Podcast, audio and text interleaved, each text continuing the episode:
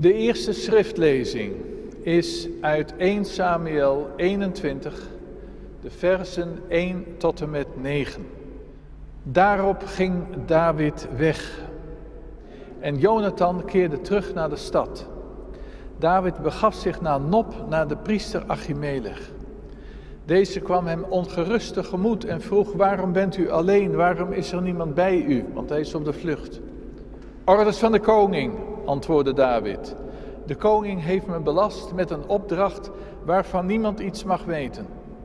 Mijn mannen wachten op mij op een afgesproken plek. Maar nu ter zake, wat heeft u in voorraad? Geef me vijf broden of wat u anders in huis hebt. Gewoon brood heb ik niet, antwoordde de priester. Ik kan u wel gewijd brood geven, maar alleen als uw mannen geen omgang met een vrouw hebben gehad. We hebben zoals gewoonlijk de verplichting op ons genomen om ons van de omgang met vrouwen te onthouden, antwoordde David.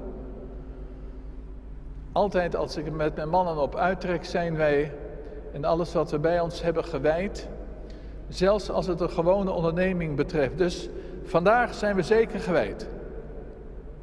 Daarop gaf de priester hem gewijd brood, want hij had geen ander brood dan het toonbrood uit het heiligdom, dat om de zoveel dagen wordt ververst. Er bevond zich daar op die dag ook een dienaar van Saul, een zekere Doeg uit Edom, de opzichter van Sauls herders. Hij was daar vanwege een of andere verplichting aan de Heer. Hebt u hier misschien ook een lans of een zwaard, vroeg David aan Achimelech. Ik heb niet eens mijn zwaard en mijn andere wapens mee kunnen nemen. Zoveel haast was er bij de opdracht van de koning. En dan, dat staat niet meer in de lezing, maar dan krijgt hij het zwaard van Goliath dat daar in het heiligdom nog was. De volgende lezing is Psalm 27 en dat gaan we met elkaar reciteren. Op de volgende manier, u hebt uw liturgie gekregen, dat ik de eerste drie versen lees. Daarna reciteren we met elkaar de versen 4 tot en met 6. En daarna lees ik weer de versen 7 tot en met 12, dat lichtgedrukte gedeelte. En dan gaan we weer met elkaar de laatste versen zeggen, reciteren dus 13 en 14. Van David. De Heer is mijn licht, mijn behoud. Wie zou ik vrezen? Bij de Heer is mijn leven veilig. Voor wie zou ik bang zijn? Kwaadwilligen kwamen op mij af om mijn leven te verslinden. Mijn vijanden belaagden mij, maar zij struikelden, zij vielen. Al trok een leger tegen mij op, mijn hart zou onbevreesd zijn.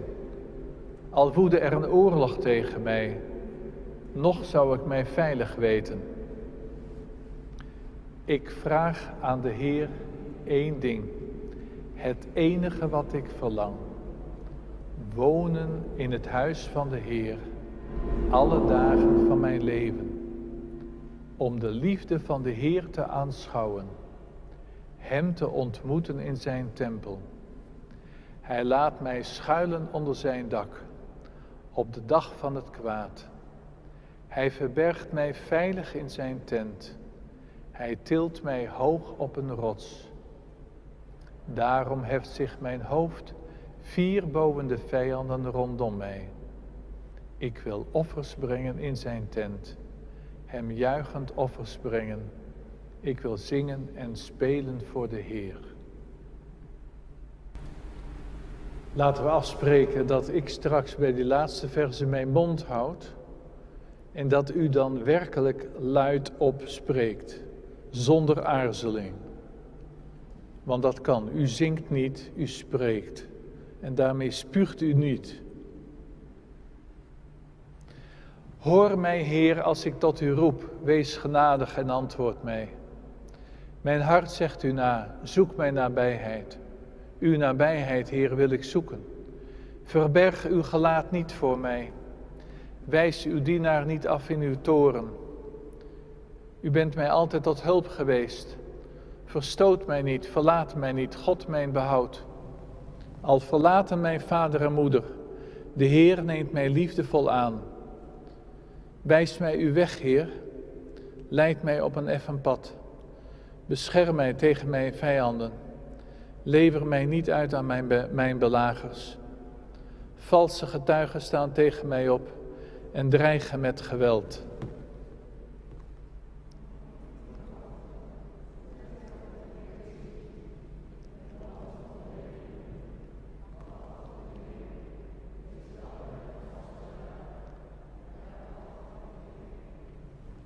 Amen.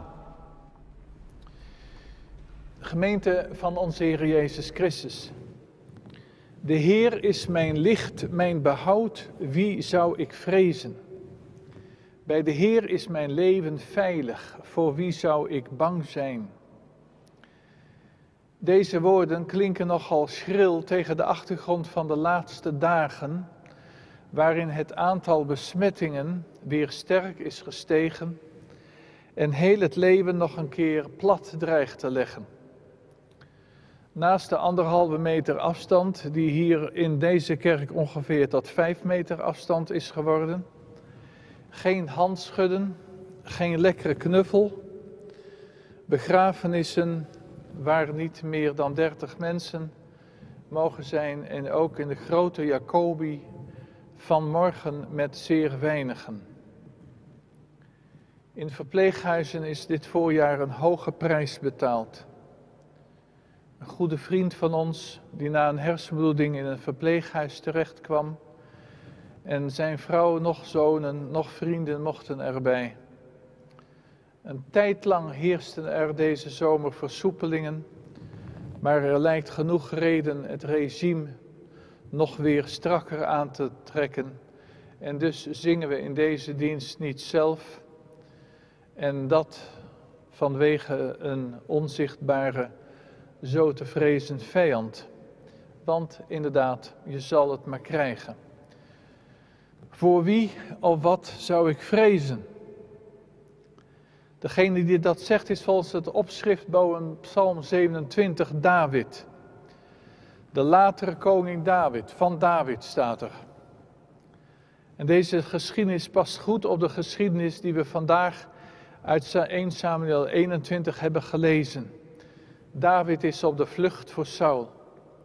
Saul heeft het op hem gemunt, omdat deze voormalige herdersjongen naam en faam had gekregen. En Saul wist dat zijn koningschap wankelde. Dat was hem door de profeet Samuel van Gods wegen aangezegd. Wat Saul niet, hij was uit de gunst van God gevallen zoals Samuel hem vertelt. Wat Saul niet weet is dat David in het geheim door Samuel is gezalfd. Dezelfde jongen die af en toe bij hem had gespeeld, maar die nu op de vlucht voor diezelfde Saul was. David in stilte gezalfd. We zouden ook kunnen zeggen dat het voor David met die zalving door de Heilige Geest Pinksteren is geweest. De Heilige Geest is hem toegezegd. Alleen de lezer van 1 Samuel weet wat er is gebeurd.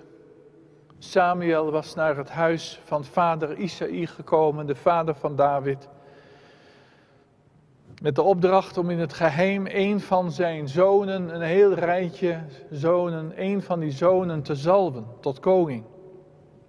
Nou, het is een bekende geschiedenis en velen van u zullen hem deze geschiedenis ook kennen.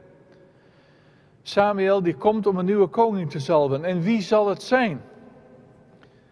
En dan roept Isaïe al zijn zonen. Het is een hele vlootschouw van zonen die aan Samuel voorbij trekt.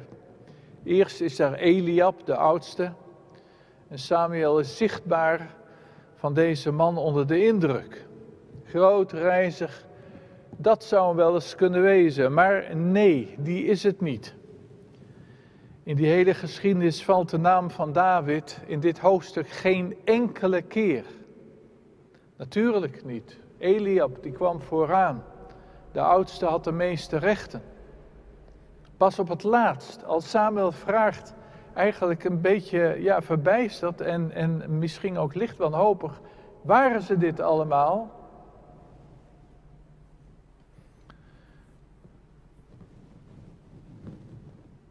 Dan komen ze met de jongste op de proppen. Oh ja, ja, nee, maar eh, weet u, de jongste, ja, die zit natuurlijk bij de schapen. Maar daar hadden we niet op gerekend. En dan staat hij daar, wordt hij geroepen, volgens de tekst, niet een grote man, wel een knappe jongen, het staat er speciaal bij, met rossig haar en mooie ogen. Dan weet Samuel het. Hij zalft hem. En pas dan valt in dit hoofdstuk zijn naam, David. David. En staat er dan, van toen aan greep de geest van de Heer hem aan. De geest van God gaat met David aan het werk. Hoe gaat het als de geest van de Heer over je is uitgestort? Als het voor David bij wijze van spreken Pinksteren is geweest? Nou, David kan er van mee vertellen. Eerst weer gewoon terug naar de schapen. En dan met proviand op weg gestuurd worden naar de linies waar je broers klaarstaan om te vechten. Wat betekent salving door de geest hier? Voor David van binnen woedend worden als je ziet hoe een brutale reus, Goliath, snoeft, beledigt, zich als supernarcist erop laat voorstaan dat hij great is en elke uitdager aan kan. Make the Philistines great again. Dat bralde Goliath. David, gezalfd door de geest, zit niet vredig in een klooster of idyllisch achter de schapen, maar staat op, wordt woedend van binnen en geeft met een geeft de soldaten van Saul weer moed als hij die reus verslaat. Niet met behulp van Sauls wapenrusting, maar met dat waar de Heere God deze jongen toen hij klein was en opgroeide al mee had geoefend. Een slinger. Toch heel opmerkelijk hè. De Heere God vraagt u niet dat u de knapheid of de, de, de mogelijkheden van uw buurman of buurvrouw, dat u die op zich neemt en dat u net zo wordt die ander. Maar de Heere God vraagt dat u dat wat Hij aan u geeft, dat u dat ontwikkelt. En geloof maar, David kon niet die, die steentjes slingeren in één keer. Hij heeft talloze malen zittend op een steen geoefend. Raak ik dat ding nou? Op het laatst kon hij het. Tjak!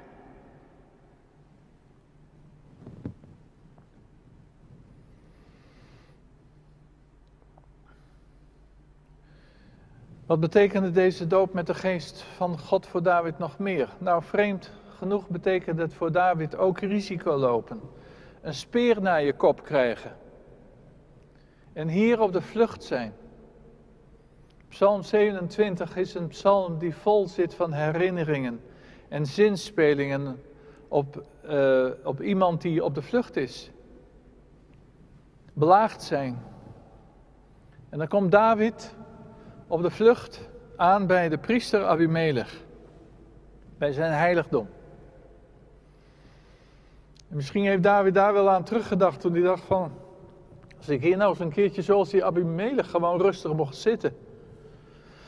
Maar goed, hij, hij, hij is op de vlucht en er moet brood komen. Met de smoes komt hij aan brood, heilig brood. En op die vraag van Abimelech, ja, uh, moet je horen, uh, hoe zit het eigenlijk? Ik ken jullie soort. Uh, nee, we hebben geen vrouw aangeraakt. Ben je hem al? Dus geef dat brood nou maar. En, zo, en, en heb je ook een zwaard? Ik heb in de haast geen wapen mee kunnen pakken. En zo kletst de gezalfde des Heren zich naar binnen. Psalm 27 kijkt erop terug. Kwaadwilligen kwamen op mij af. En dan dat verlangen naar rust dat in die Psalm 27 doorklinkt. Uw nabijheid, Heer, wil ik zoeken. Verberg uw gelaat niet voor mij. De Heer kan zich verbergen, ook voor wie gelooft, ooit de geest van God ontvangen heeft. Verstoot mij niet, lezen we. Verlaat mij niet, mijn God, mijn behoud. Al verlaten mij vader en moeder, de Heer neemt mij liefdevol aan. Oei, er zit een dramatische vergelijking in. Al verlaten vader en moeder mij. Het komt voor door alle tijden heen. Dat verlaten kinderen. Ik herinner me het verhaal in de tijd dat ik predikant was in Lamuiden. Van een oudere man, hij was de negende in een gezin geweest. Jaren terug, voor de wereld, Tweede Wereldoorlog. En toen dat negende kind geboren was, in een gezin dat zwaar aan de crisis leed, kwamen een oom en een tante die kinderloos waren naar de ouders en vroegen of ze dat kleine jongetje mochten hebben. En bij hun in huis mochten nemen en opvoeden. Want dat, dat kind had het daar dan bij die tante en oom beter voor brood, kleren maar op hoge leeftijd barstte deze man nog in tranen uit dat hij weggegeven was. En dat zijn andere broertjes en zusjes daar zaten. En dan is dit nog een verhaal waar sprake was van nood en geloof. Al hebben mij vader en moeder verlaten. In de Bijbel wordt het onderscheid gemaakt, wordt, wordt wel vaker die vadermetafoor gebruikt, ook de moedermetafoor, maar dan meer het voedende. En er wordt een onderscheid gemaakt tussen aardse vaders en moeders en de God als vader en de God van moederlijke ontferming. Aardse vaders en moeders hebben een voorlopige taak en ze weten zelf wel dat ze ook af en toe kunnen falen en het even niet redden. Ze hebben de opdracht de kinderen de weg te wijzen naar God als bron van veiligheid. Aardse vaders en moeders kunnen tekort schieten en falen. En hoe belangrijk is het dan dat de weg gevonden wordt en ooit gewezen is voorbij aan aardse vaders en moeders. Van Isaïe, de vader van David, horen we na dat bezoek van Samuel aan zijn huis niets meer. David, gezalfd door de geest, moet het alleen redden. Voor eerst wordt hij een balling op de vlucht. Gezalfd zijn door de geest betekent niet dat er een roze wolk komt, een vredig leven. Leven als gezalfde betekent zelfs niet dat je goed, niet goed in de fout kunt gaan. Ook dat weten we van David. Maar hij zocht dat adres weer. David uit deze psalm staat in de schaduw van de zoon van David uit het Nieuwe Testament. Ook Jezus begint met een zalving, een doop met de Heilige Geest. En ook hier in het leven van onze heiland is de geest niet de garantie voor een stil en gerust leven. Wat doet die geest dan? De geest doet verlangen, mensen. De geest voedt ons met honger. Gods liefste kinderen voedt hij met honger. De geest opent de ogen, zoals de jonge David de ogen geopend werden voor de slapheid van Sauls soldaten, voor de brutaliteit van de Filistijnen. En de geest brengt David tot initiatief, de geest mobiliseert. Zoals ook Jezus gedragen door de geest door het land gaat en de mensen thuis brengt bij God. De geest brengt een nieuw begin, waar sprake is van vastlopen, van een geestelijke lockdown met alle gevolgen. O, als ik niet had geloofd des Heeren goedheid te zullen zien in het land der levenden. In het land der levenden, ja, in het land der levenden. Niet alleen later in de eeuwigheid bij God, bij Christus. O, als ik niet had geloofd des Heeren goedheid te zullen zien in het land der levenden.